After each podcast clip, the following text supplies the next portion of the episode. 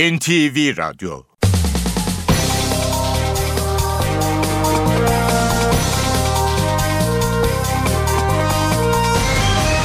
İşe Giderken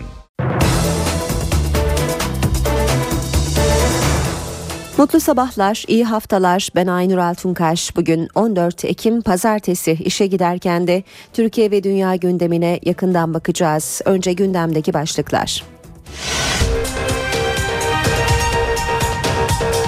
Dünya Bankası ve Uluslararası Para Fonu'ndan Amerika Birleşik Devletleri'ndeki borçlanma kriziyle ilgili uyarılar geldi. Dünya Bankası Başkanı Jim Yong Kim, bir uzlaşma sağlanamazsa bu dünya için felaket olur dedi. IMF Başkanı Christine Lagarde da Washington'ın dünyaya ekonomi toparlanıyor garantisi vermesi gerektiğini söyledi. Irak'taki bölgesel Kürt yönetimi başkanı Mesut Barzani, El-Kaide militanlarını nerede olursa olsun vurmaya hazır olduklarını söyledi.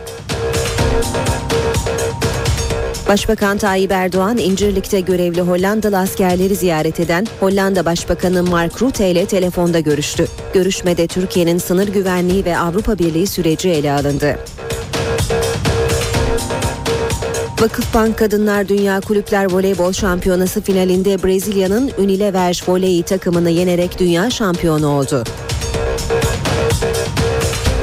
Bir grup Trabzonspor taraftarı dün Futbol Federasyonu'nun İstanbul'daki merkezine yürüyerek 2010-2011 sezonu şampiyonluk kupasının kendilerine verilmesini istedi. 9 günlük bayram tatilinin başlamasıyla trafik kazası haberleri de gelmeye başladı. Kazalarda en az 13 kişi hayatını kaybetti. İşe giderken gazetelerin gündemi.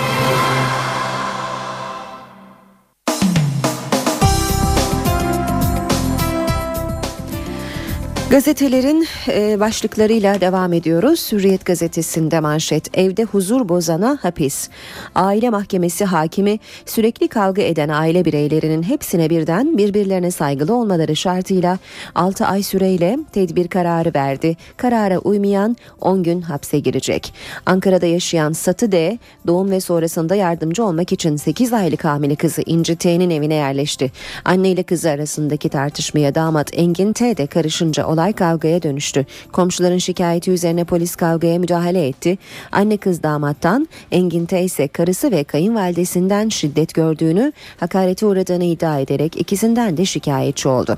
11. Aile Mahkemesi Hakimi Mustafa Karadağ tarafların 6 ay boyunca şiddet, tehdit, hakaret, aşağılama veya küçük düşürmeyi içeren söz ve davranışlarda bulunmamalarına, şiddet mağdurlarının şahsi eşyaları ve ev eşyalarına zarar vermemelerine, iletişim araçlarına araçlarıyla vesaire surette birbirlerini rahatsız etmemelerine uymayana 3 ila 10 gün zorlama hapsi verilmesine karar verdi. Yine hürriyetten bir başlık genç kadınlar evlenip maaşa konamayacak Çalışma ve Sosyal Güvenlik Bakanı Faruk Çelik yaş farkı fazla olan evlilikleri takibi aldıklarını söyledi.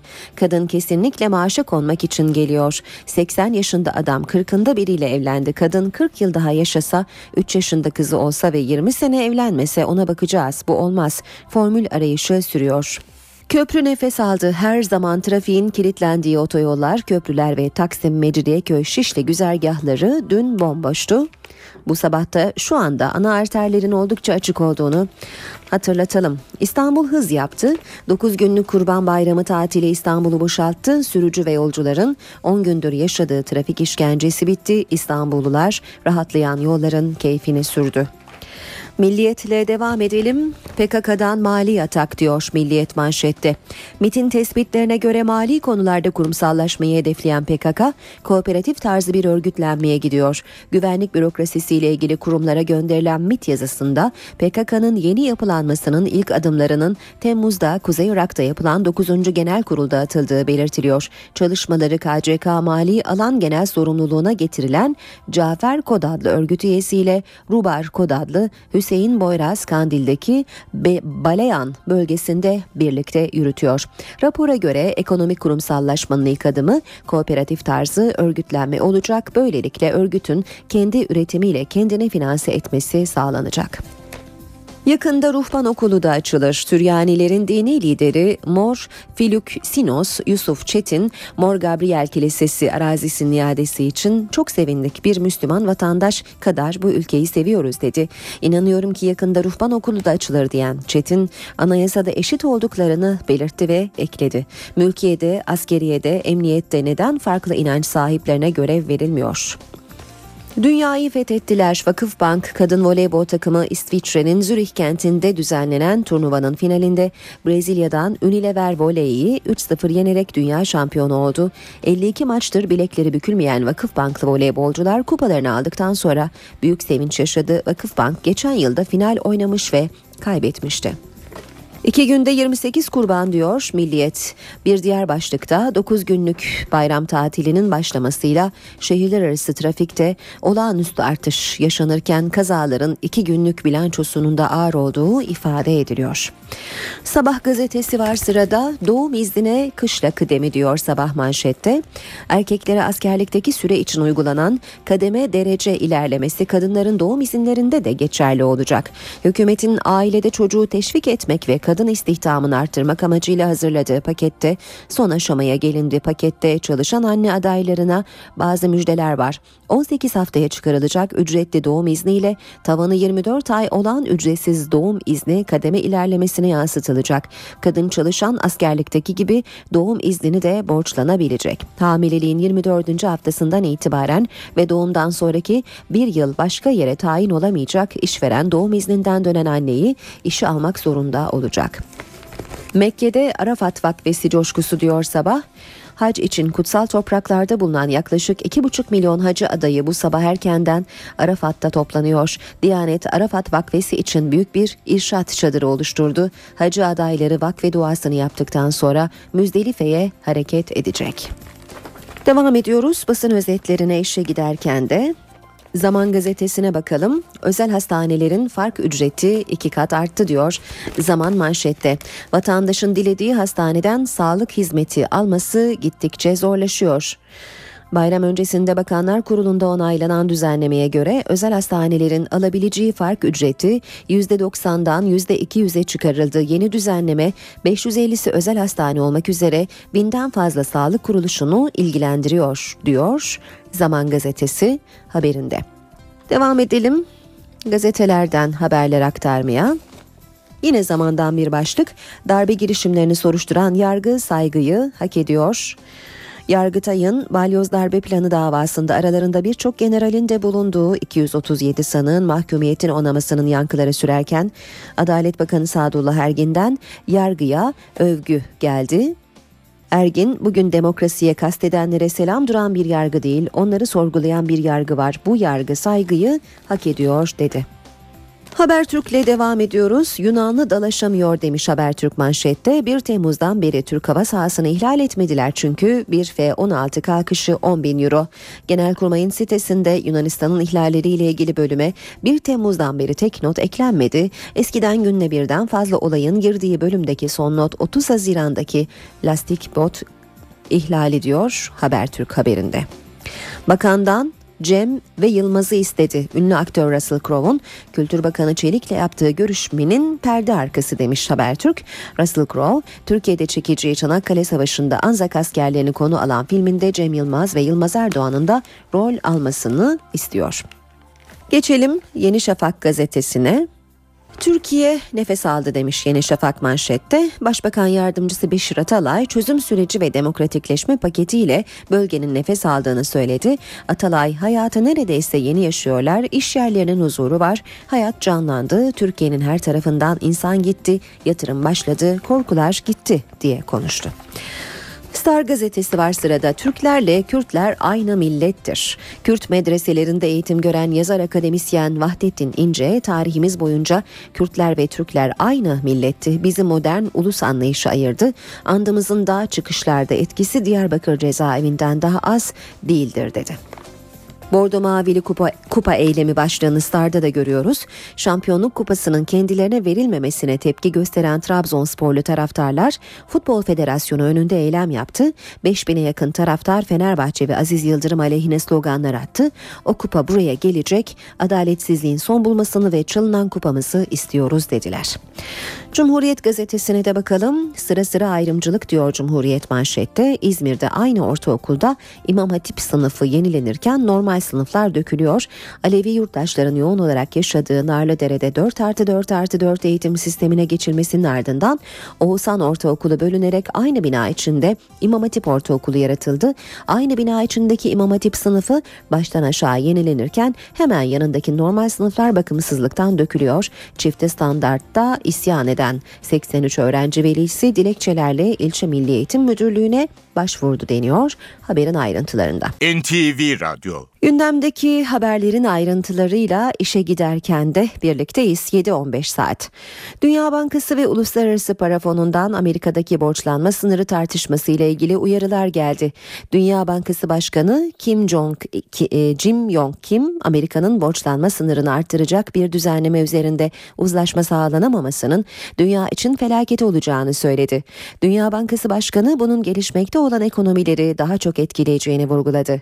Benzer bir uyarı IMF Başkanı Christine Lagarde'dan da geldi. Lagarde, Amerikan yönetiminin kepenk kapatmasının ardından bir de borçlanma sınırının artmamasının dünya çapında büyük bir karışıklığa yol açacağını kaydetti. Lagarde ayrıca Washington'ın ekonomisinin toparlandığı yönünde dünyaya garanti vermesi gerektiğini söyledi. Amerika Birleşik Devletleri'nde Cumhuriyetçilerle Demokratların borçlanma sınırı konusunda 17 Ekim'e kadar uzlaşması gerekiyor. Washington-Tahran hattında sıcak rüzgarlar esmeye devam ediyor.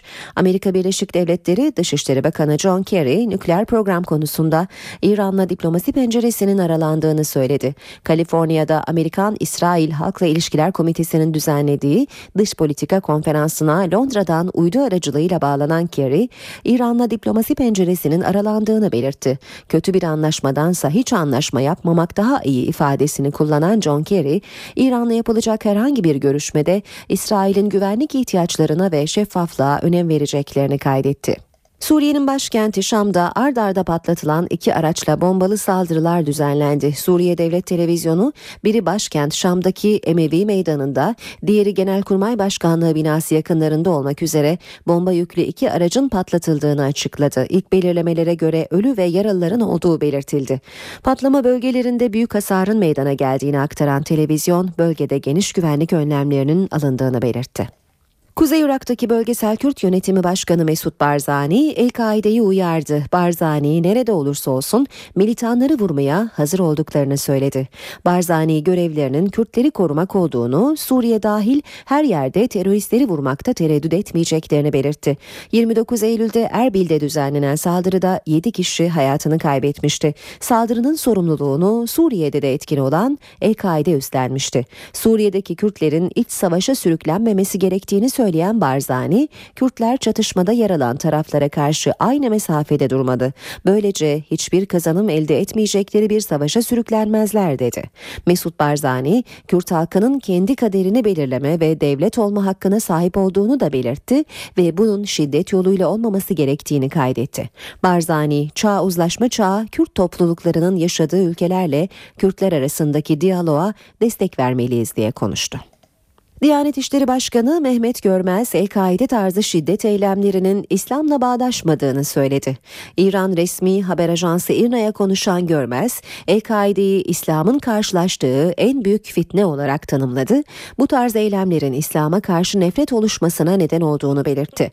Görmez, kimin Müslüman olduğuna biz karar veremeyiz ama hangi eylemin İslam'a uyduğuna karar verebiliriz. Bu örgütlerin ortaya koydukları şiddeti İslam'la bağdaştırmak mümkün değildir dedi. Son Son günlerde yaşanan mezhep çatışmalarına da değinen Görmez, Irak'taki Sünniler, Suriye'deki Nusariler ve Türkiye'de Aleviler kendi dini anlayışını yaşayabilmelidir diye konuştu. Suriye olaylarını bir trajedi olarak niteleyen Diyanet İşleri Başkanı, hiçbir çıkar, hiçbir siyaset bir Müslümanın kanının akmasını önlemekten daha değerli değildir dedi.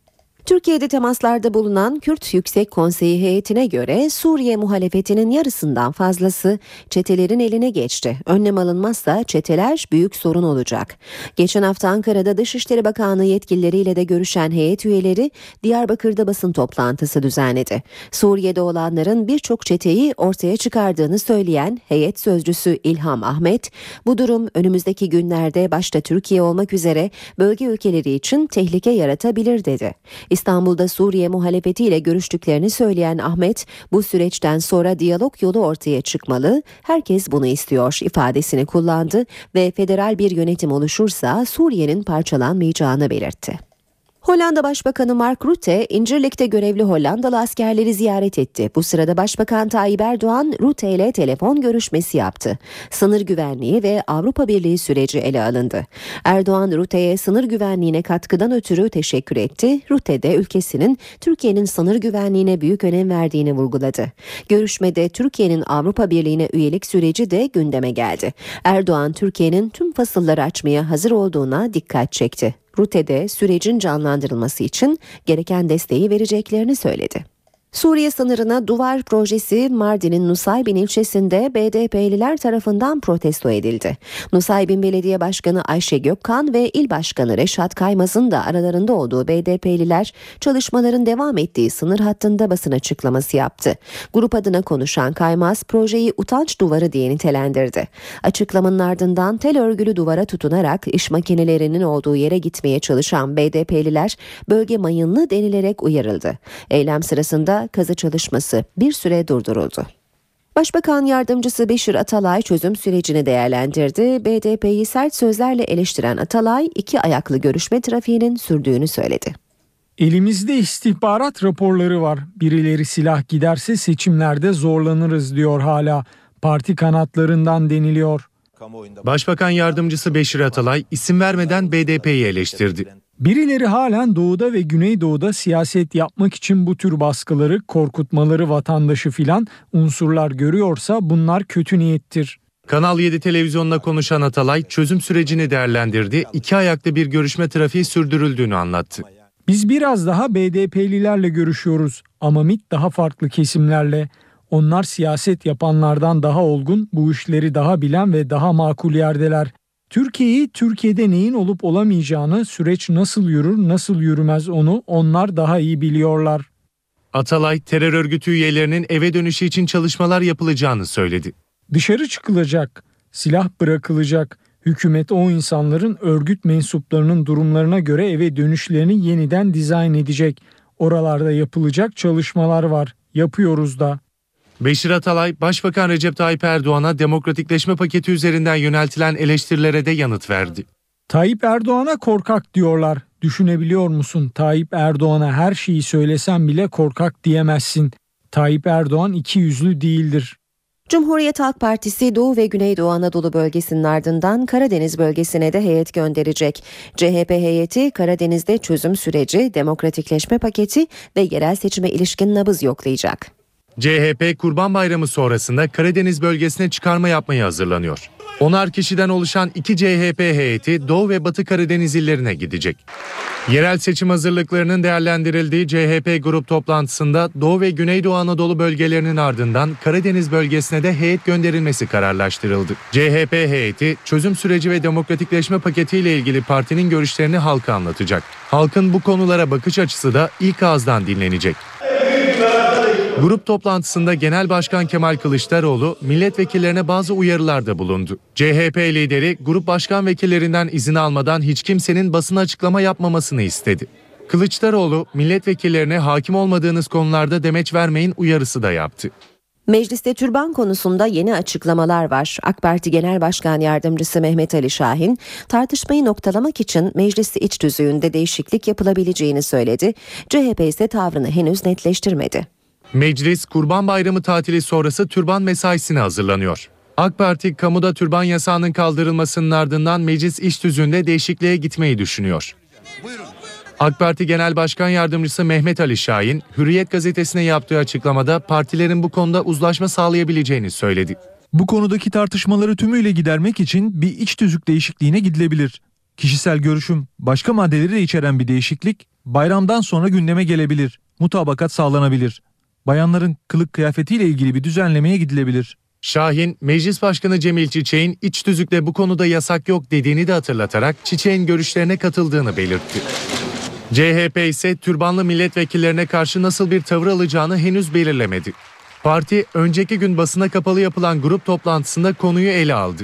Milletvekilleri haçtan dönecek bazı AK Partili kadın milletvekillerinin genel kurula türbanla gireceği duyumları alıyoruz diyerek Genel Başkan Kemal Kılıçdaroğlu'na böyle bir durumda tavrımız ne olacak diye sordu. Kılıçdaroğlu ise soruları bu konuda arkadaşlarla çalışma yapacağız, tavrımızı belirleyeceğiz, ondan sonra açıklama yapacağız sözleriyle yanıtladı. Son genel seçimde %7'nin üstünde oy alan AK Parti, CHP ve MHP önümüzdeki iki yıl seçimler nedeniyle daha fazla hazine yardımı alacak. Üç partinin kasasına iki yılda 853 milyon lira girecek. AK Parti, CHP ve MHP 2014'te 322,5 milyon lira hazine yardımı alacak. 2015'te ise hazine yardımının tutarı 531 milyon lira olacak. 3 siyasi partiye önümüzdeki 2 yıl 853 milyon lira hazine yardımı yapılacak. Yasaya göre son genel seçimde %7 ve üzeri oy alan siyasi partilere oy oranı kadar hazine yardımı yapılıyor. Hazine yardımı o yıla ait bütçe gelirinin 5000'de biri tutarında belirleniyor.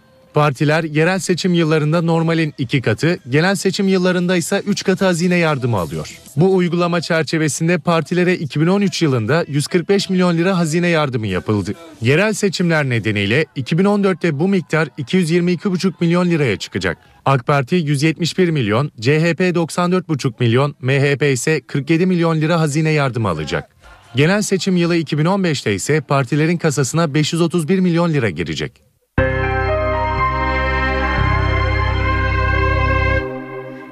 9 günlük bayram tatilinin başlamasıyla trafik kazası haberleri de gelmeye başladı. Tatilin ilk gününden beri 13 kişi hayatını kaybetti, 46 kişi yaralandı. Bayram tatili için Amasya'ya giden iki aileyi taşıyan araç Çorum'da yoldan çıkarak beton menfeze çarptı. Kazada 4 kişi yaşamını yitirdi, 4 kişi yaralandı. Adana'nın Kozan ilçesinde otomobil uçuruma yuvarlandı.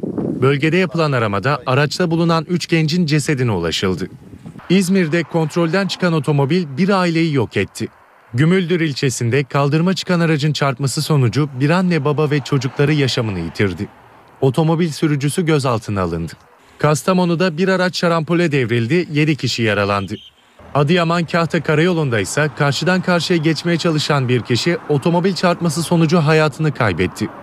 İstanbul'dan Mardin'in Nusaybin ilçesine bayram ziyaretine giden aileyi taşıyan bir otomobil köy girişinde Irak plakalı otomobille çarpıştı. Kazada iki otomobilde bulunan 10 kişi yaralandı. Uşak'ta yolcu otobüsünün çarptığı minibüs emniyet şeridinde giden traktöre çarptı. Zincirleme kazada 7 kişi yaralandı. Bursa, Konya ve Bartın'da meydana gelen kazalarda ise toplam 13 kişi yaralandı. Gece yarısından sonra da Ankara'da meydana gelen trafik, e, zincirleme trafik kazasında bir kişi yaşamını yitirdi, beş kişi yaralandı. Gece 3.20 sularında Talatpaşa Bulvarı Opera Köprü üstünde meydana gelen kazada 5 araç birbirine girdi. İlk kaza karşıdan karşıya geçmek isteyen bir yayaya bir aracın çarpmasıyla meydana geldi. Daha sonra bu kazaya 4 araç daha katıldı. Kaza yerine gelen itfaiye ekipleri bir otomobil içinde sıkışan bir kadını çıkarttı. Zincirleme kazada yaralanan 6 kişi olay yerinde yapılan ilk müdahalelerinin ardından hastanelere sevk edildi. Karşıdan karşıya geçmekte olan kişinin hastanede yapılan yapılan müdahalelere rağmen kurtarılamadığı öğrenildi. Tatilin ikinci gününde bazı noktalarda trafik yoğunluğu devam etti. Bolu gişelerinde kilometrelerce araç kuyruğu oluştu. Ayrıca Eskihisar Topçular hattındaki yoğunluğun giderilmesi için 17 feribot aralıksız çalıştı. İstanbul'un trafik sorunu çileye dönüşen Kurban Bayramı tatiliyle tekrar gündeme geldi. Başbakan Tayyip Erdoğan önceki gün toplu taşımanın önemine dikkat çekti. Londra'da trafiği azaltmak için uygulanan ücret tarifesini anlattı. Peki İstanbullular bu konuda ne düşünüyor? Cevabı haberimizde. Bir kilometre, iki kilometrelik yola vatandaşımız atlıyor aracına, aracıyla gidiyor. Bakıyorsunuz trafikte her otomobilde sadece bir kişi seyahat ediyor. Biz bu kadar zengin bir ülke değiliz. Başbakan Recep Tayyip Erdoğan İstanbul'un trafik sorununa dikkat çekti, toplu ulaşım araçlarının kullanılmasını istedi. Hükümet ne yapacak? Yani İstanbul'a gelene İstanbul'a gelmeyin mi diyecek. İngiltere'nin meşhur Londra'sında belli saatlerde Londra'nın merkezine giremezsiniz. Özel ödeme yapmak zorundasınız. Hafta içi hiç olmazsa yani mesai günleri herkesin toplu araçları kullanması lazım. Otobüs bekliyoruz gelmiyor. Yani onlar bile saatinde çalışmıyor. Bence ona el atmaları lazım ilk önce. Başbakanın örnek verdiği İngiltere'nin başkenti Londra'da trafik sorununu azaltmak için 2003'ten bu yana şehir merkezine giren araçlardan ücret alınıyor. O günden beri İngilizlerin büyük çoğunluğu şehir merkezine toplu ulaşım araçlarıyla gidiyor. Peki bu yöntem İstanbul'da uygulanabilir mi? O kadar çok her şeyden ücret veriyoruz ki biraz sakıncalı görüyorum bunu. Çünkü insanlar e, yaşam koşulları çok zorlaştı. Şu anda uygulanması da saçma olur. Yani Taksim'e şimdi insanlar e, zaten oraya gezmek için gidiyor. Bir de bunun için ücret verirse hem Taksim meydanı azalır diye düşünüyorum hem de uygun olmaz. Avustralyalı aktör Russell Crowe da bugünlerde İstanbul trafiğiyle mücadele ediyor. E, Crowe trafikteyken Twitter'da bir mesaj paylaştı ve bir salyangoz fotoğrafıyla bu arkadaşlar İstanbul trafiğinden daha hızlı ilerliyor, çok daha hızlı notu düştü. Crowe'un notu kısa sürede çok sayıda takipçisi tarafından paylaşıldı. Dünya Bankası ve Uluslararası Para Fonu'ndan Amerika Birleşik Devletleri'ndeki borçlanma kriziyle ilgili uyarılar geldi. Dünya Bankası Başkanı Jim Yong Kim, bir uzlaşma sağlanamazsa bu dünya için felaket olur dedi. IMF Başkanı Christine Lagarde da Washington'ın dünyaya ekonomi toparlanıyor garantisi vermesi gerektiğini söyledi. Kuzey Irak'taki bölgesel Kürt yönetimi başkanı Mesut Barzani, El-Kaide militanlarını nerede olursa olsun vurmaya hazır olduklarını söyledi. Başbakan Tayyip Erdoğan İncirlik'te görevli Hollandalı askerleri ziyaret eden Hollanda Başbakanı Mark Rutte ile telefonda görüştü. Görüşmede Türkiye'nin sınır güvenliği ve Avrupa Birliği süreci ele alındı. Vakıfbank Kadınlar Dünya Kulüpler Voleybol Şampiyonası finalinde Brezilya'nın Unilever Voley takımını yenerek dünya şampiyonu oldu. Bir grup Trabzonspor taraftarı dün Futbol Federasyonu'nun İstanbul'daki merkezine yürüyerek 2010-2011 sezonu şampiyonluk kupasının kendilerine verilmesini istedi.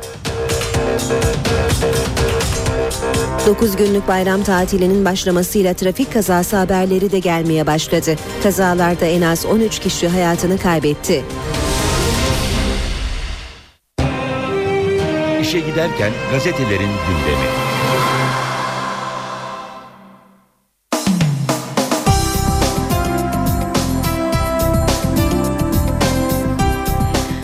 Gazetelerin manşetlerine bakalım ardından spor sayfalarını çevireceğiz. Milliyetle başlayalım.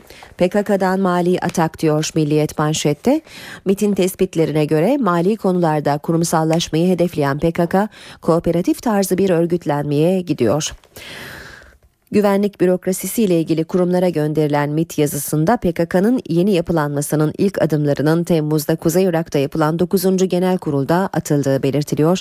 Rapora göre ekonomik kurumsallaşmanın ilk adımı kooperatif tarzı örgütlenme olacak. Böylelikle örgütün kendi üretimiyle kendini finanse etmesi sağlanacak. Hürriyet gazetesinde manşet evde huzur bozana hapis.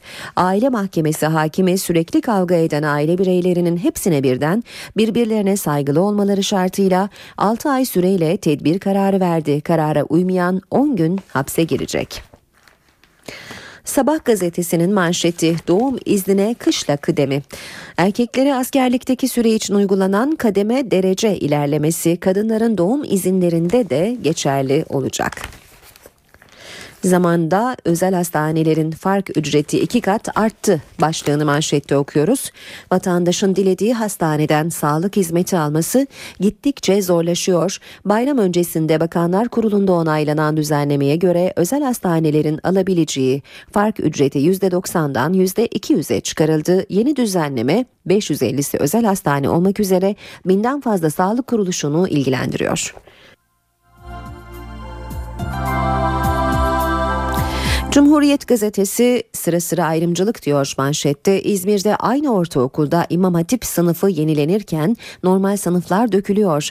Alevi yurttaşların yoğun olarak yaşadığı Narlıdere'de 4 artı 4 artı 4 eğitim sistemine geçilmesinin ardından Oğuzhan Ortaokulu bölünerek aynı bina içinde İmam Hatip Ortaokulu yaratıldı. Aynı bina içindeki İmam Hatip sınıfı baştan aşağı yenilenirken hemen yanındaki normal sınıflar bakımsızlıktan dökülüyor. Çifte standarda isyan eden 83 öğrenci velisi dilekçelerle ilçe Milli Eğitim Müdürlüğü'ne başvurdu deniyor. Habertürk'le devam edelim. Yunanlı dalaşamıyor diyor Habertürk manşette. 1 Temmuz'dan beri Türk hava sahasını ihlal etmediler. Çünkü bir F-16 kalkışı 10 bin euro. Genelkurmay'ın sitesinde Yunanistan'ın ihlalleriyle ilgili bölüme 1 Temmuz'dan beri tek not eklenmedi. Eskiden günde birden fazla olayın girdiği bölümdeki son not 30 Haziran'daki lastik bot ihlali. Yeni Şafak'ta manşet Türkiye nefes aldı. Başbakan yardımcısı Beşir Atalay çözüm süreci ve demokratikleşme paketiyle bölgenin nefes aldığını söyledi. Atalay hayatı neredeyse yeni yaşıyorlar. İş yerlerinin huzuru var. Hayat canlandı. Türkiye'nin her tarafından insan gitti. Yatırım başladı. Korkular gitti diye konuştu. Star gazetesine de bakalım. Türklerle Kürtler aynı millettir. Kürt medreselerinde eğitim gören yazar akademisyen Vahdettin İnce, tarihimiz boyunca Kürtler ve Türkler aynı milletti. Bizi modern ulus anlayışı ayırdı. Andımızın dağ çıkışlarda etkisi Diyarbakır cezaevinden daha az değildir dedi. Radikalin manşeti ise ağla komutan ağla. Emekli Tümgeneral Yavuz Ertürk Diyarbakır ve Bingöl'deki kayıplar hakkında sorgulanırken ağlamasıyla gündeme gelmişti. Ağlamakta haklı mıydı? 75 yaşındaki köy meydanın 75 yaşında köy meydanında tüm kemikleri kırılarak öldürülen Ahmet Aydemir'i ve ardından gelen hukuk mücadelesini okuyup siz karar verin diyor radikal manşette ve belgelerin savcılığa verileceği de ifade ediliyor. Şimdi spor haberlerine bakacağız. Habertürk'le başlayalım. Habertürk'te ezip geçeceğiz başlığı manşette Habertürk Spor'da Kadıköy'ü onlara dar edeceğiz diyen milli yıldızımız Burak Yılmaz 14 maçtır kaybetmeyen Hollanda'ya takım arkadaşı Wesley Snyder üzerinden gözdağı verdi. Biz inandık siz de inanın parolasıyla gişelere hücum eden taraftar tarihi maçın biletlerini dün öğle saatlerinde tüketti. Ay Yıldızlılar adına konuşan Burak Yılmaz da Hollanda'ya Kadıköy'den çıkış yok mesajı verdi. Snyder'a Snyder'e kendisini bekleyen atmosferi aktardı aktardığını dile getiren kral yarın sahada abi kardeş arkadaş yok karşımıza kim çıkarsa çıksın ezip geçeceğiz sözleriyle noktayı koydu. Devam edelim spor haberleri aktarmaya gazetelerden. Milliyet gazetesine bakalım. Okuyacağımız ilk başlık duran toplar can yakmasın. Hollanda 2014 Dünya Kupası elemelerinde 14 golü duran toplardan buldu. Tam 9 kafa golü attı. Evet e, top hareketliyken İspanya, Almanya, Brezilya klasmanında değiller. Dünya Kupası'nın favorilerinden sayılmazlar ama top durduğunda onlardan daha tehlikeliler. Hollanda'ya karşı zor duruma düşmek istemiyorsak onlara durup düşünme fırsatı vermemeliyiz. Çünkü eğer dururlarsa birinci torbada olabilmek için ihtiyaç duydukları golleri bulabilirler diyor Milliyet yazarı Uğur Meleke. Sabaha kadar analiz, teknik direktör Fatih Terim, yardımcısı Hamza Hamzaoğlu, Alper Boğuşlu ve analist Metin Çakıroğlu ile birlikte Hollanda'nın grupta oynadığı 9 maçın tamamını izledi. Ay Yıldızlıların gece hiç uyumadan rakibi tüm yönleriyle analiz ettikleri belirlendi. Fenerbahçe'yi bekliyorum. Galatasaray'ın 14 yıldır Kadıköy'de kazan e, kazanamaması Mancini'yi çok etkiledi. Lige verilen arada hem rakipleri analiz eden hem de kulübün tarihini öğrenen İtalyan hoca ezeli rakiplerine karşı ortaya çıkan bu kötü tabloya şaşırdı. Bu kötü gelenek son bulacak. Taraftara zafer armağan edeceğim dedi. Protestonun dozu kaçtı. Trabzonspor taraftarının Türkiye Futbol Federasyonu binası önünde yaptığı protesto eyleminde istenmeyen görüntüler ortaya çıktı. Federasyon bayrakları indirildi, yerine Trabzonspor bayrakları asıldı. Daha sonra bazı taraftar binaya taş ve pet şişe attı. Önce seçim sonra Caner. Fenerbahçe'de yeni seçilecek yönetimin ilk işi Caner Erkin'le masaya oturmak olacak. Son haftalarda gösterdiği performansla tüm dikkatleri üzerine çeken ve sezon sonu serbest kalacak olan milli oyuncunun sözleşmesi uzatılacak. Kartal geç havalandı. Yeni sezonun ilk maçında Torku Selçuk Üniversitesi'ni konuk eden Beşiktaş kötü başladığı karşılaşmanın ikinci yarısında açıldı. Farka ulaştı. Siyah beyazların skorer ismi Lofton 23 sayıyla takımını galibiyete taşıdı. Özür dileyecek, af isteyecekler. Beşiktaş'ta yumruk yumruğa birbirine giren ve süresiz kadro dışı bırakılan İbrahim Toraman ve Sezer Öztürk camiadan, Bilic ve takım arkadaşlarından özür dileyecek. Aflarını da isteyecek olan iki futbolcuya verilecek para cezasının miktarı da ilk yönetim kurulu toplantısında netleştirilecek. Ve işte günün haberi sporda diyebileceğimiz haber Dünya Güzelleri. Geçen sezonu 3 kupayla tamamlayan bu kez de açılışı Süper Kupayla yapan Vakıfbank İsviçre'de de fırtına gibi esti sarı siyahlılar 2 yıl önce finalde kaybettiği Dünya Kulüpler Şampiyonası'nda bu kez Unilever Voley'i yenerek kupayı kaldırdı. Spor haberleri okumaya devam edelim. Sırada Hürriyet gazetesi var. İşte zafer planı Fatih Terim'le yardımcısı Hamza Hamzaoğlu'nun hesaplarına e, ulaştığını söylüyor Hürriyet gazetesi. Galibiyete mecburuz ama bilinçsizce saldırmak yok. Panik işimize gelmez. Önde baskıyla rakip hataya zorlanacak. Hollanda'nın yıldızlarla dolu orta sahası etkisiz kılınacak. Gol gelse de geriye yaslanmak yok. Topa 90 dakika biz hükmedeceğiz. Emre'nin dönüşü Antrenmanlarda iyi çalışarak eksiğini kapattı ve ilk 11'e göz kırpmaya başladı. Kayseri Erciyes maçıyla birlikte takımdaki yerini alacak. E, Ersun Yanal idman performansı üzerindeki özel yelek sayesinde takip ettiği Emre'nin yüksek verilerinden çok memnun kaldı. Hatta deneyimli yıldızın çalışkanlığını gençlere örnek gösterdi. Dünyanın en büyüğü diyor Hürriyet'te. Vakıfbank Dünya Kulüpler Şampiyonası'nda mutlu sona ulaştı. Unilever takımını set vermeden deviren Vakıfbanklı kızlar bu sezonki 5. kupasını müzesine götürerek galibiyet serisini de 52 maça çıkarttı. Çalışkan, disiplinli, dindar. İstanbul'da ikinci haftasını geçiren Galatasaray'ın hocası Mancini'yi bu üç kelime özetliyor. Futbolcularla çok iyi bir iletişim kuran deneyimli teknik adam oyunculara göre hareket etmeyi tercih ediyor. Hatta onlar istediği için antrenman saatini bile değiştirebiliyor. Son haberi de aktaralım. Şampiyonluğa bir adım kaldı. Formula 1 Dünya Şampiyonası'nda sezonun 15. yarışı olan Japonya Grand Prix'sini Red Bull'un Alman pilotu ve sürücüler klasmanı lideri Sebastian Vettel kazandı. Suzuka'daki yarışa ilk cepten başlamasına karşın ilk viraj sonrası 3. sıraya gerileyen Alman pilot yine de üst üste 5. zaferini elde etti. Vettel bu birincilikle puanını 297'ye çıkarırken son 4 yarış öncesi de şampiyonada en yakın rakibi olan Fernando Alonso ile farkı 90 90 puana taşıdı. Spor haberlerini de aktardık. Gündeme yakından bakmaya devam edelim.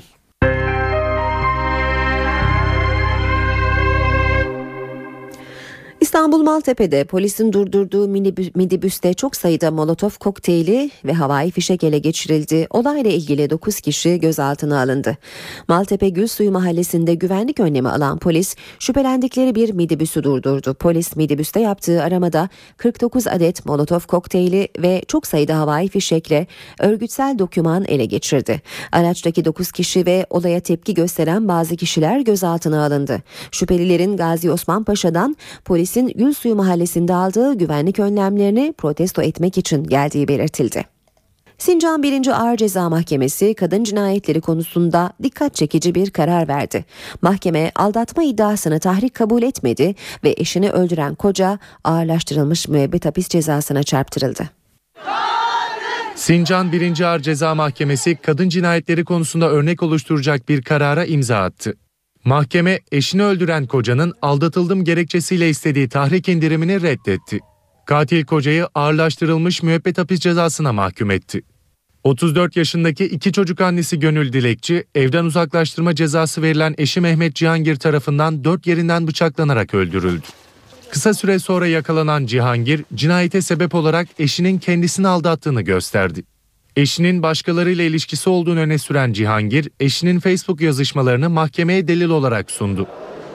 Cihangir'in aldatma iddiası ile ilgili araştırma yapılması ve soruşturmanın genişletilmesi talebini reddeden Sincan 1. Ağır Ceza Mahkemesi, aldatma tahrik değildir dedi. Cihangir'i tasarlayarak adam öldürmekten ağırlaştırılmış müebbet hapis cezasına mahkum etti.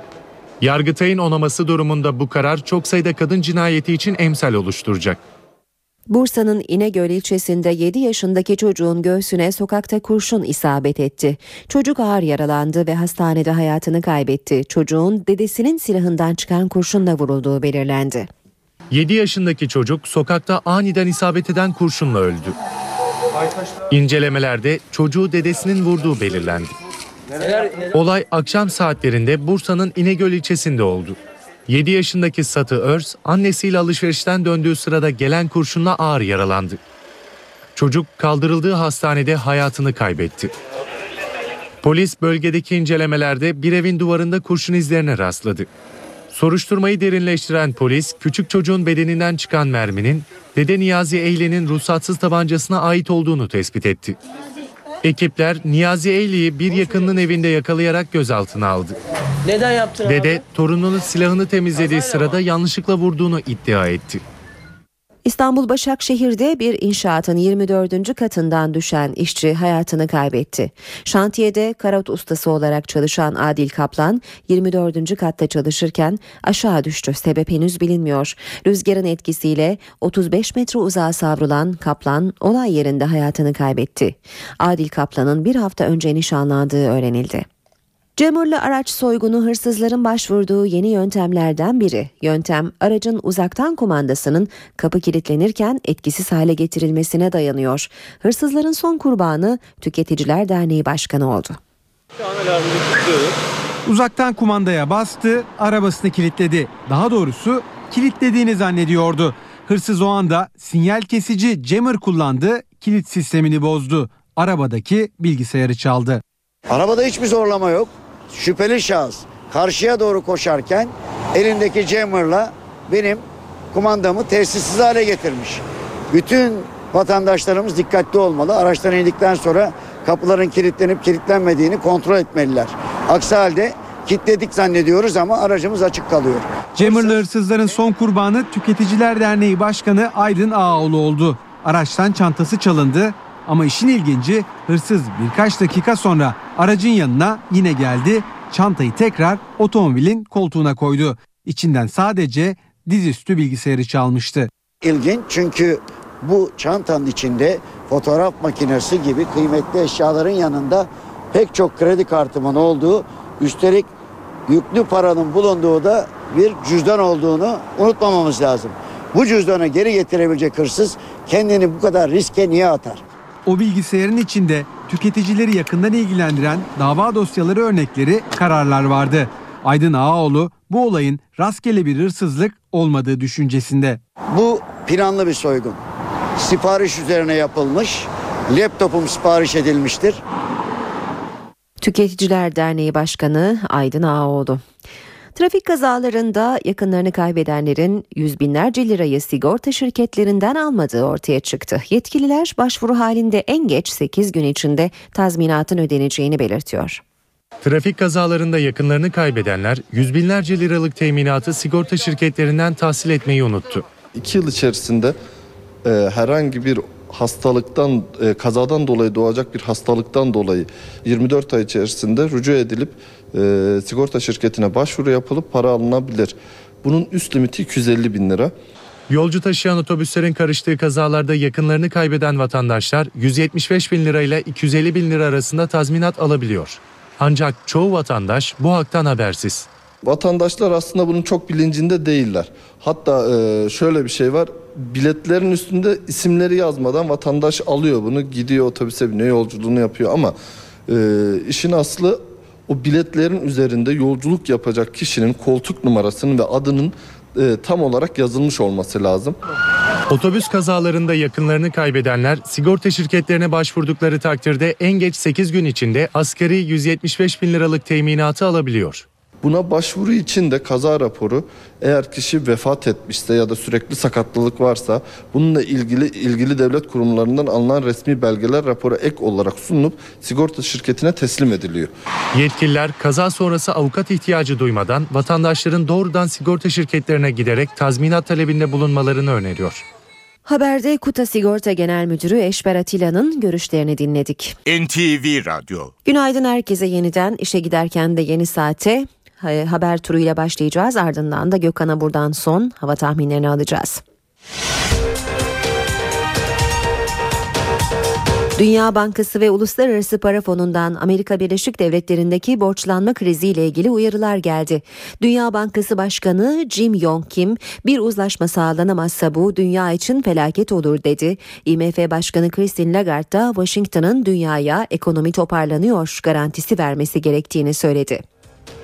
Vakıfbank Kadınlar Dünya Kulüpler Voleybol Şampiyonası finalinde Brezilya'nın Unilever Voley takımını yenerek dünya şampiyonu oldu. 9 günlük bayram tatilinin başlamasıyla trafik kazası haberleri de gelmeye başladı. Kazalarda en az 13 kişi hayatını kaybetti. Dün Bolu gişelerinde kilometrelerce araç kuyruğu oluştu. Ayrıca Eskihisar Topçular hattındaki yoğunluğun giderilmesi için 17 feribot aralıksız çalıştı. İstanbul'un trafik sorunu Başbakan Erdoğan'ın da gündemindeydi. Başbakan toplu taşımanın önemine dikkat çekti. Londra'da trafiği azaltmak için uygulanan ücret tarifesini anlattı. Bir grup Trabzonspor taraftarı dün Futbol Federasyonu'nun İstanbul'daki merkezine yürüyerek 2010-2011 sezonu şampiyonluk kupasının kendilerine verilmesini istedi.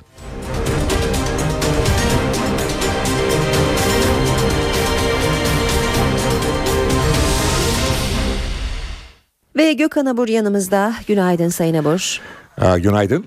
Ilık bir havayla başladık bayrama ama sonrasında yağmurlar da gelecek. Ne söyleyeceksiniz? Valla bugün için Doğu Karadeniz bölgemizde bir bulutlanma zamanla artacak ama hava genellikle açık. Rüzgarlar kuzeyli esiyor, sıcaklıklar yer yer mevsim ortalamaları üzerinde olacak. Doğu Karadeniz'de gün içinde hafif yağış geçişi görülebilir.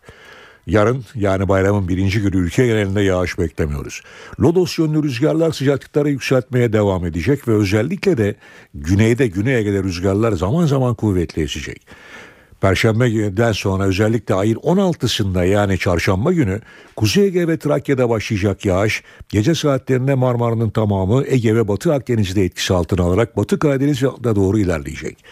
Evet Perşembe günü yağışlar giderek kuvvetlenecek. Özellikle Trakya'da başlayan ve Sıcaklıkların hızlı bir şekilde düşmesine sebep olacak karayel yönlü rüzgarla beraber yağışların Marmara bölgesinde, Edremit Körfezi'nde ve güneyde Marmaris, Bodrum, Antalya civarında daha da kuvvetlenmesini bekliyoruz. 18. sabah saatlerinde yine batı bölgelerde yağış var ama ilerleyen saatlerde Ege'de, Batı Akdeniz'de ve daha sonra Trakya'da yağış etkisini kaybedecek ve yağışlar giderek iç kesimlere doğru giderek dağılacak ve 19'undan itibaren yağışların tamamen etkisini kaybetmesini bekliyoruz. Evet e, bayramın birinci günü, ikinci günü yağış yok. Bayramın son günü yağış batıda etkisini kaybedecek ama önümüzdeki hafta sonu yine yağış beklemiyoruz. Yani baştaki iki gün ve sondaki iki gün açık ama aradaki günlerde yağış var. Havada biraz da olsa serinleyecek. Hissedilir bir soğuma mı olacak yağışla ee, beraber? Perşembe gününe itibaren bir 6-7 derecelik e, azalış bekliyoruz. Yani bu Trakya'dan başlayarak hızlı bir şekilde azalacak. Dolayısıyla yağışın kuvvetlenmesi de bir hayli etkileyecek tabii. Evet peki Gökhan Abur teşekkür ediyoruz. Şimdiden iyi bayramlar. İşe giderken gazetelerin gündemi.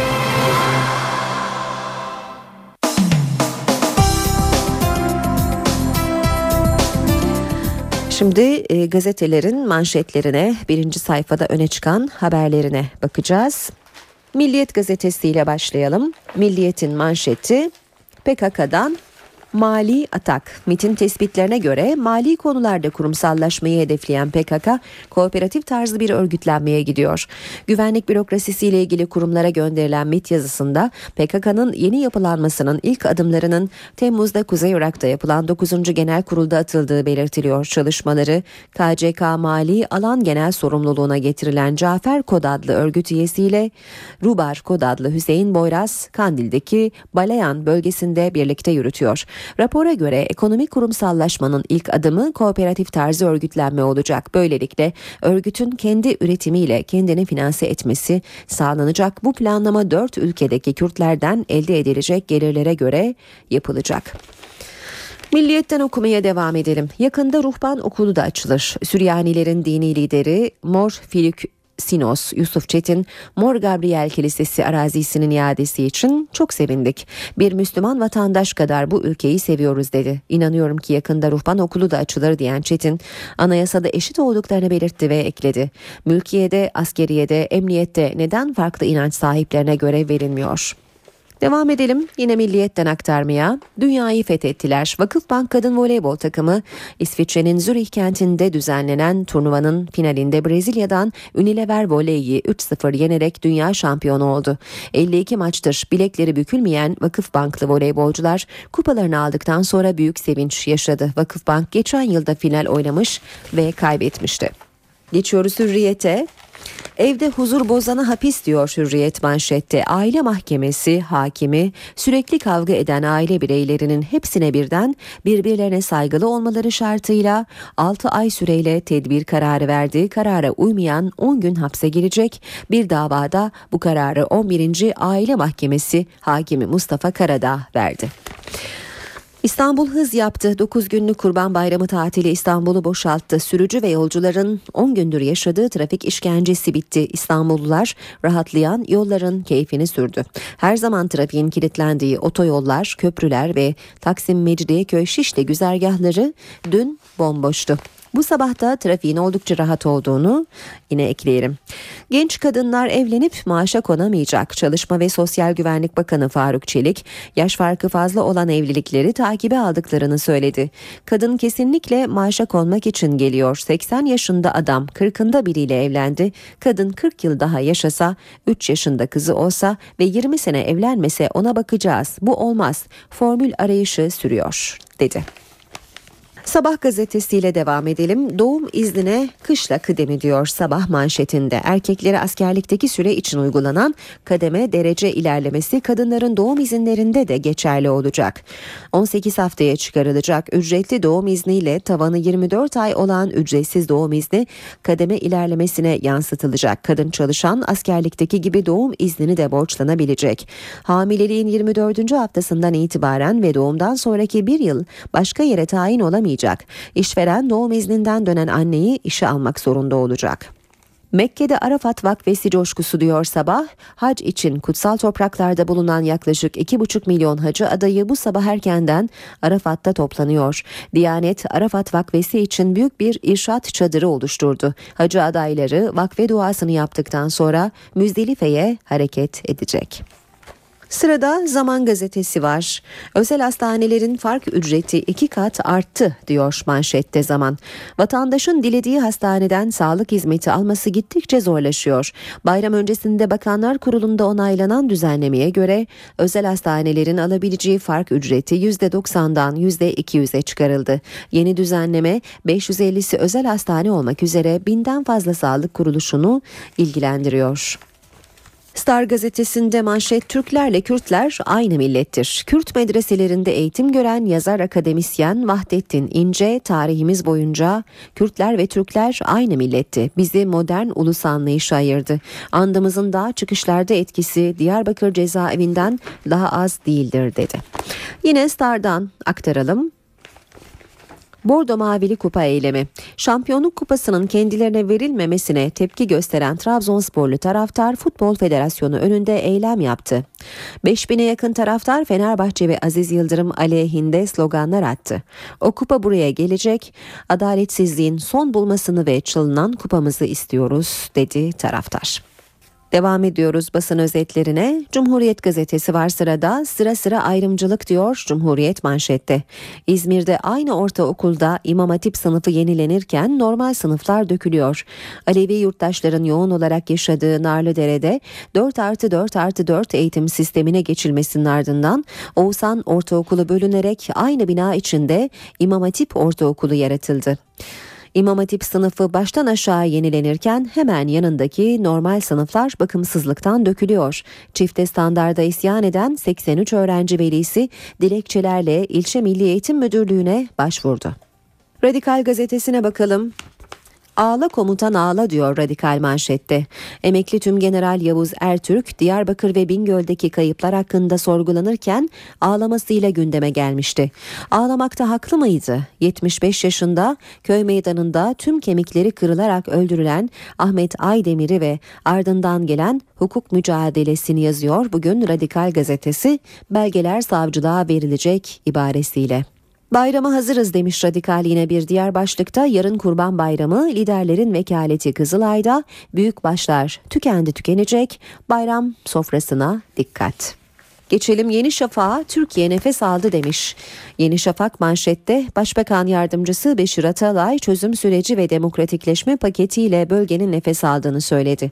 Atalay hayatı neredeyse yeni yaşıyorlar. İş yerlerinin huzuru var. Hayat canlandı. Türkiye'nin her tarafından insan gitti, yatırım başladı, korkular gitti diye konuştu.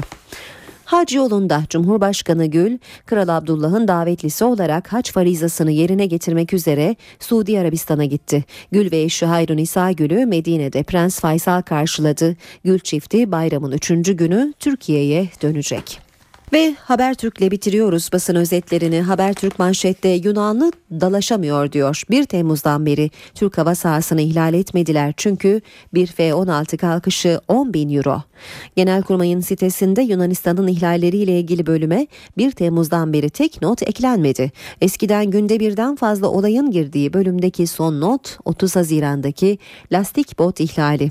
Askeri kaynaklar ihlallerin durmasını ekonomik krize bağlıyor. Atina'nın askeri harcamaları ve Ege'deki it dalaşları krizi tetikleyen etken olarak gösterilmiş halk rahatsızlığını dile getirmişti. Yine Habertürk'ten okuyalım. Bakandan Cem ve Yılmaz'ı istedi. Ünlü aktör Russell Crowe'un Kültür Bakanı Çelik'le yaptığı görüşmeden notları aktarıyor Habertürk. Russell Crowe, Türkiye'de çekeceği Çanakkale Savaşı'nda Anzak askerlerini konu alan filminde Cem Yılmaz ve Yılmaz Erdoğan'ın da rol almasını istiyor. NTV Radyo Saat 8.18 NTV Radyo'da işe giderkenin bu bölümünde başkente uzanacağız. Başkent sakin. Ankara muhabirlerimizden Murat Barış Koralp'le birlikteyiz bu sabah. Murat günaydın. Günaydın Aynur. Ee, liderlerin bayram programını bize anlatır mısın bu sabah Murat? Tabii siyasetin başkent başkentinde de bayram rehaveti hakim açıkçası. Liderler ya Ankara dışında ya yurt dışında ya da herhangi bir programları şu an için gözükmüyor. Cumhurbaşkanı Abdullah Gül bayramda haç farizasını yerine getirmek üzere gittiği Suudi Arabistan'da olacak. Suudi Arabistan Kralı Abdullah bin Abdülaziz'in davetlisi olarak ülkeye giden Gül bayramın 3. günü İstanbul'a dönüyor. Başbakan Erdoğan ise bayram süresince İstanbul'da olacak. O da İstanbul'da geçirecek bayramını. Arife gününü bugün Ankara'da geçirecek olan CHP lideri Kemal Kılıçdaroğlu'nun bayram programı ise henüz netleşmedi. MHP lideri her bayramda olduğu gibi bayram namazını Ankara'daki Gazi Merkez Camii'nde kılacak. MHP'nin merhum Genel Başkanı Alparslan Türkeş'in mezarını da ziyaret edecek. Bayramın ikinci gününde parti genel merkezinde vatandaşlarla bayramlaşıyor Bahçeli. Cuma günü Genel Başkan Yardımcısı Tuğrul Türkeş'in oğlu Osman Türkeş'in İstanbul'da yapılacak düğününe katılacak. Yani Bahçeli'de İstanbul'a gidecek. BDP eş başkanı Selahattin Demirtaş ise bayram süresince Diyarbakır'da olacak. Kurban Bayramı olduğu için Ankara'da ve tüm Türkiye'de Gıda Tarım ve Hayvancılık Bakanlığı ekipleri hayvan pazarlarında da denetim yapacak. Liderlerin programlarının dışında Ankara'dan açıkçası Türkiye'nin geneline dair de aktarabileceğimiz not olarak bu öne çıkıyor Aynur. Murat teşekkür ediyoruz. Kolay gelsin. İşe giderken Yarın Kurban Bayramı. İstanbul Veteriner Hekimler Odası Başkanı'ndan kurban kesimiyle ilgili öneri ve uyarıları dinleyelim şimdi. 400. 250 diyor sen 400. 250 tamam. Kurbanlıklar için pazarlıklar sürüyor. Peki kurbanlık alırken nelere dikkat etmek gerekiyor? İstanbul Veteriner Hekimler Odası Başkanı Murat Aslan vatandaşları uyarıyor. Her şeyden önce bir veteriner sağlık raporu olması gerekiyor. Kulak küpesi olmayan hayvanların satın alınmaması gerekiyor. Yaş itibariyle dikkat edilmesi gereken konular var. Büyük hayvanların 2 yaşından büyük, e, koyun ve keçinin de 1 yaşından büyük olması önemli. Kurbanlığın sağlıklı olup olmadığı dışarıdan gözlemle de tespit edilebiliyor. Bir hayvanın sağlıklı olup olmadığını gözlerinin şeklinden, tüylerinin matlığından çünkü genelde tüyleri parlaktır hayvanların. Ağız burun akıntılarıyla ilgili fazla bir akıntı varsa bu hayvanları almamak gerekiyor. Zayıf olan hayvanları almamak gerekiyor. Bunun şöyle anlayabilirler. Hayvanın arkasından baktıklarında küp şeklinde olmalı. Çok pratik bir yöntemdir. Yani üçgen veya dörtgen şeklinde değil küp şeklinde olmalı. Kurbanlık hayvanın doğru kesimi etin sağlıklı ve lezzetli olması için önemli. Hayvan ayağından asılarak kesilmesi. Bu önemli asılarak kesilmesi. Bütün kanın akması gerekiyor vücuttan ki mikroorganizmaların üremesine ve hastalık yapmasına engel olmak için. Kanı akmış olan kurban eti daha uzun süre muhafaza edilebilir. Elinde kurbanlık kalan satıcılar bu hayvanları bayramdan sonra Et ve Süt Kurumu'na satabilecek. Açıklamayı Gıda Tarım ve Hayvancılık Bakanı Mehdi Eker yaptı. Kurbanlığını büyük şehirlere getirdi, satamadı. ne yapacak? Yani geri getirmesi işte İstanbul'a diyelim getirmiş oluyor, Ankara'ya getirmiş oluyor. İşte 1000 kilometre, 1500 kilometre icabında yol geliyor. Satılmayan e, kurbanlıkları bayram e, ertesinde et süt kurumu canlı olarak satın alabilecek. Yani kurbanlığı elinde kaldı. Satan o değilse eğer getirip bize de satmak istiyorsa elinde kalmasın ona e, yardımcı olmak maksadıyla üreticimize, besicimize böyle de bu sene bir tedbir aldık. Çevre ve Şehircilik Bakanlığı'na bağlı İller Bankası mezbaha yapımı ve projeleri için belediyelere son iki yılda 9,5 milyon lira kredi sağladı. Bu kredilerle Kırıkkale, Giresun ve Bolu gibi illerde yeni mezbahalar yapılacak. Kaynak aktarımı sayesinde kurban kesecekler için sağlıklı, temiz ve modern merkezler oluşturulması planlanıyor. PTT'ye 6 branşta 3534 personel alınacak. PTT'nin internet sitesindeki açıklamada bu kişilerin idari hizmet sözleşmeli personel olarak işe alınacağı duyuruldu. Açıklamaya göre 2332 gişe görevlisi, 1025 dağıtıcı, 30 tekniker, 10 avukat, 12 mimar ve 125 mühendis için kadro açıldı. Çalışma ve Sosyal Güvenlik Bakanlığı gündelikçilerin kayda alınması için Fransa'da uygulanan model üzerinde çalışıyor. Düzenleme hayata geçerse gündelikçilere bir kart verilecek ve bu kartlar evlerdeki post cihazına benzer cihazlardan geçirilecek. Hedef sigorta primini anında kesmek. Haberimizde Profesör Cem Kılıç'ın görüşlerini de dinleyeceğiz. Yemek, temizlik, çocuk ve hasta bakımı. Ayda bir günlüğüne gündelikçi çalıştırılsa bile ev sahibi sigortasını yapmak zorunda. Aksi takdirde cezalar ağır. Eğer bunlar yapılmaz ise ve bir şikayet konusu olursa bu durumda yıl bazında 25 bin liraya varan idari para cezalarıyla karşılaşmanız mümkün. Evinde gündelikçi çalıştıranlar evlerini bağlı oldukları sosyal güvenlik kurumuna iş yeri olarak gösterdikten sonra gündelikçilerin sigortalarını yaptırabiliyor. Çalışma ve Sosyal Güvenlik Bakanlığı hem ev hizmetlerinde çalışanlar hem de bu hizmeti satın alanlar için sigorta uygulamasını kolaylaştıracak bir çalışma başlattı. Buna göre evlerde post cihazına benzer cihazlar kullanılacak. Gündelikçiler kendileri adına hazırlanan kartı cihazdan geçirecek. Böylece ücreti ödendiği gibi sigorta primleri de anında hesap edilerek adına yatırılacak. Bir takım e, evlere yerleştirilecek post makinesi gibi cihazlar sayesinde e, gönderilecek olan hizmetçilerin, çalışanların ücretleri doğrudan hesaba yatırılacak ve bu hesap üzerinden sigorta primleri otomatik olarak kesilecek. Günde 100 TL'ye gündelikçi çalıştıran bir kişinin yaklaşık 15 TL sigorta primi ödemesi bekleniyor. Sokaklarda, barınaklarda terk edilmiş evcil hayvan sayısı arttı. İstanbul Veteriner Hekimler Odası Başkanı hayvan bakımının sabır, zaman ve bütçe gerektirdiğini söylerken satın almak yerine barınaklardan sahiplenilmesi gerektiğini de vurguluyor. Çocukların en çok tercih ettiği evcil hayvanlar yavru köpekler. Ancak kimi zaman heves alınan kedi ve köpekler bir süre sonra sokağa terk ediliyor. Evcil hayvan almadan önce iyi düşünmek gerekiyor. Mutlaka bir planlama yapmaları gerektiğini bilmeliler. Hem zaman olarak hem de ekonomik olarak bu işe bir bütçe ayıracaklarını hesaplayabilmeliler. Her şeyden önemlisi büyük bir sabır gerektiriyor. Her havada sıcak, soğuk, yağışlı havalarda mutlaka hayvanın bir kez dışarı çıkması gerekiyor.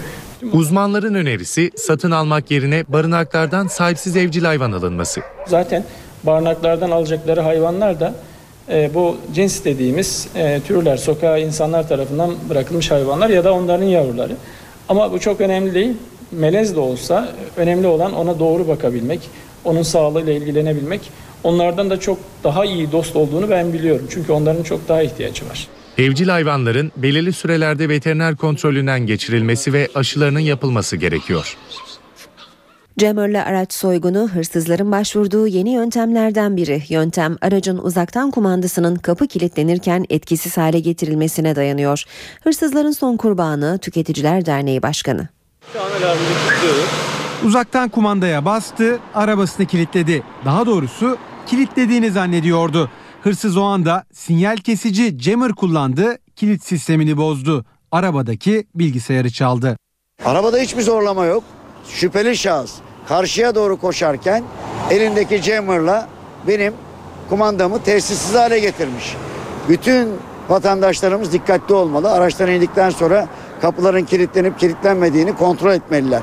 Aksi halde kilitledik zannediyoruz ama aracımız açık kalıyor. Cemırlı hırsızların son kurbanı Tüketiciler Derneği Başkanı Aydın Ağaoğlu oldu. Araçtan çantası çalındı ama işin ilginci hırsız birkaç dakika sonra aracın yanına yine geldi. Çantayı tekrar otomobilin koltuğuna koydu. İçinden sadece dizüstü bilgisayarı çalmıştı. İlginç çünkü bu çantanın içinde fotoğraf makinesi gibi kıymetli eşyaların yanında pek çok kredi kartımın olduğu üstelik yüklü paranın bulunduğu da bir cüzdan olduğunu unutmamamız lazım. Bu cüzdanı geri getirebilecek hırsız kendini bu kadar riske niye atar? O bilgisayarın içinde tüketicileri yakından ilgilendiren dava dosyaları örnekleri, kararlar vardı. Aydın Ağaoğlu bu olayın rastgele bir hırsızlık olmadığı düşüncesinde. Bu planlı bir soygun. Sipariş üzerine yapılmış. Laptopum sipariş edilmiştir.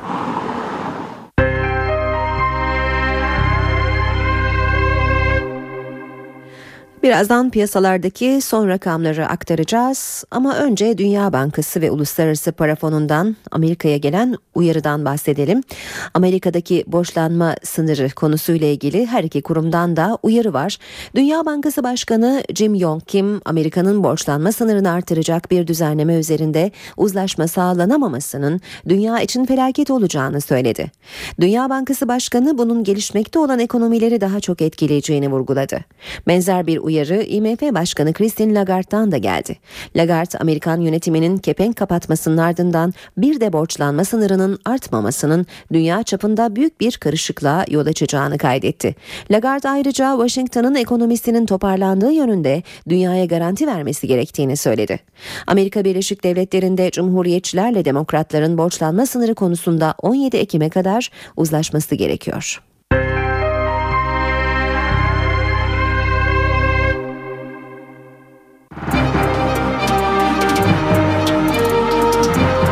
Ve şimdi de piyasalara bakacağız. Borsa İstanbul bugün öğleden sonra bayram tatiline giriyor. Yarım gün işlem yapılacak. BIST 100 endeksi 536 puan artışla Cuma günü %0,71 oranında değer kazandı ve 76.176 puandan kapandı. Yeni haftaya dolar 1.98 euro 2.69'dan başlıyor. Euro dolar paritesi 1.36, dolar yen 98 düzeyinde. Altının onsu 1271 dolar, kapalı çarşıda külçe altının gramı 83, Cumhuriyet altını 544, çeyrek altın 136 liradan işlem görüyor. Brent petrolün varili 111 dolar.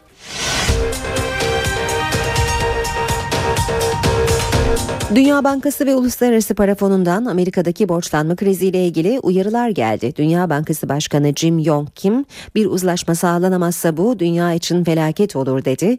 IMF Başkanı Christine Lagarde da Washington'ın dünyaya ekonomi toparlanıyor garantisi vermesi gerektiğini söyledi. Vakıfbank Kadınlar Dünya Kulüpler Voleybol Şampiyonası finalinde Brezilya'nın Unilever Voley takımını yenerek dünya şampiyonu oldu. 9 günlük bayram tatilinin başlamasıyla trafik kazası haberleri de gelmeye başladı. Kazalarda en az 13 kişi hayatını kaybetti. Dün Bolu gişelerinde kilometrelerce araç kuyruğu oluştu. Eski Hisar Topçular hattındaki yoğunluğun giderilmesi içinse 17 feribot aralıksız çalıştı. İstanbul'un trafik sorunu Başbakan Erdoğan'ın da gündemindeydi. Başbakan toplu taşımanın önemine dikkat çekti. Londra'da trafiği azaltmak için uygulanan ücret tarifesini anlattı. Bir grup Trabzonspor taraftarı dün Futbol Federasyonu'nun İstanbul'daki merkezine yürüyerek 2010-2011 sezonu şampiyonluk kupasının kendilerine verilmesini istedi.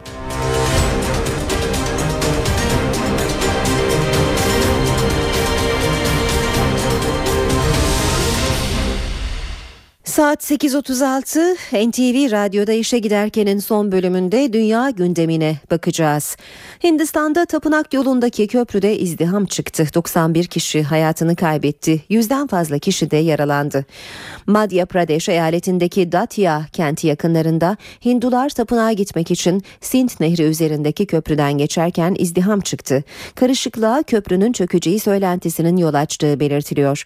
Kurtulmak için nehre atlayanlar olduğu bu nedenle hayatını kaybedenlerin sayısının artabileceği bildiriliyor. İtalya kaçaklar sorununa karşı yeni bir politika belirledi.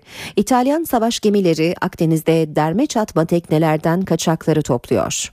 10 gün içinde Akdeniz'de yaklaşık 400 kişinin yaşamını yitirmesi İtalya'yı harekete geçirdi. İtalyan ordusuna ait gemiler artık bir facia beklemeksizin İtalya karasularında seyreden derme çatma teknelerdeki kaçakları toplamaya başladı.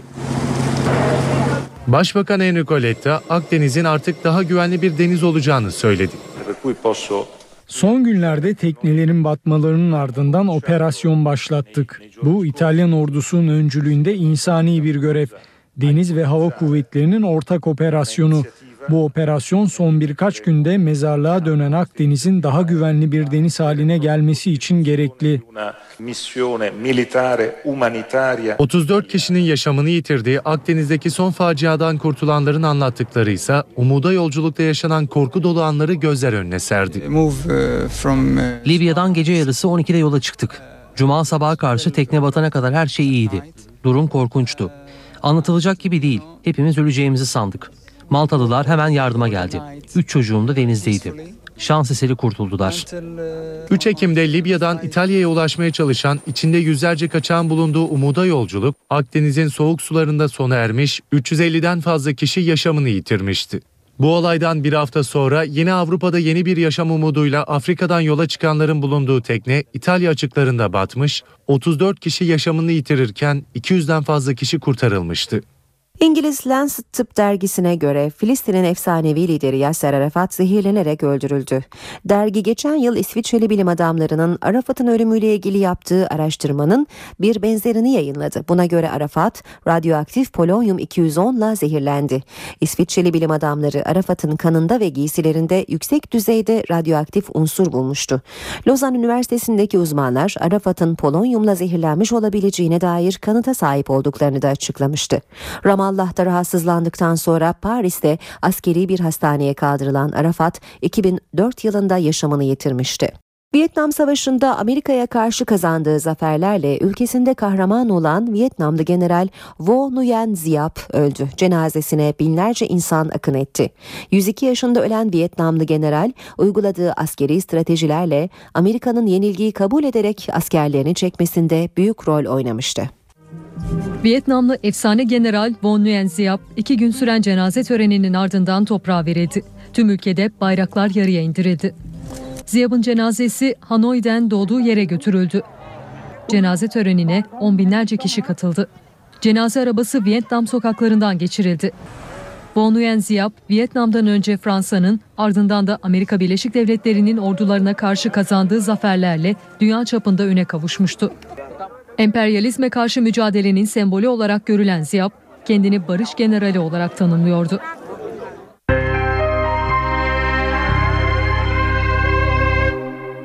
Şimdi de spor gündemine bakalım. Voleyboldan sevindirici bir haber. Vakıfbank Kadınlar Dünya Kulüpler Voleybol Şampiyonası'nda şampiyonluğa ulaştı. Zürih'in ev sahipliği yaptığı Kadınlar Dünya Kulüpler Voleybol Şampiyonası'nın finalinde Vakıfbank'la Brezilya temsilcisi Unilever Voley karşı karşıya geldi. Vakıfbank maça iyi başladı ve büyük çekişmeye sahne olan seti 25-23 kazanarak 1-0 öne geçti. İkinci sette de takımlar birbirine üstünlük sağlamakta zorlanırken Vakıfbank bu seti de 27-25 alarak setlerde durumu 2-0 yaptı. Şampiyonluk yolunda çok büyük bir avantaj yakalayan Vakıfbank rakibinin maçı ortak olmasına izin vermedi ve 3. seti de 25-16 kazanarak salondan 3-0 galip ayrıldı ve şampiyon oldu.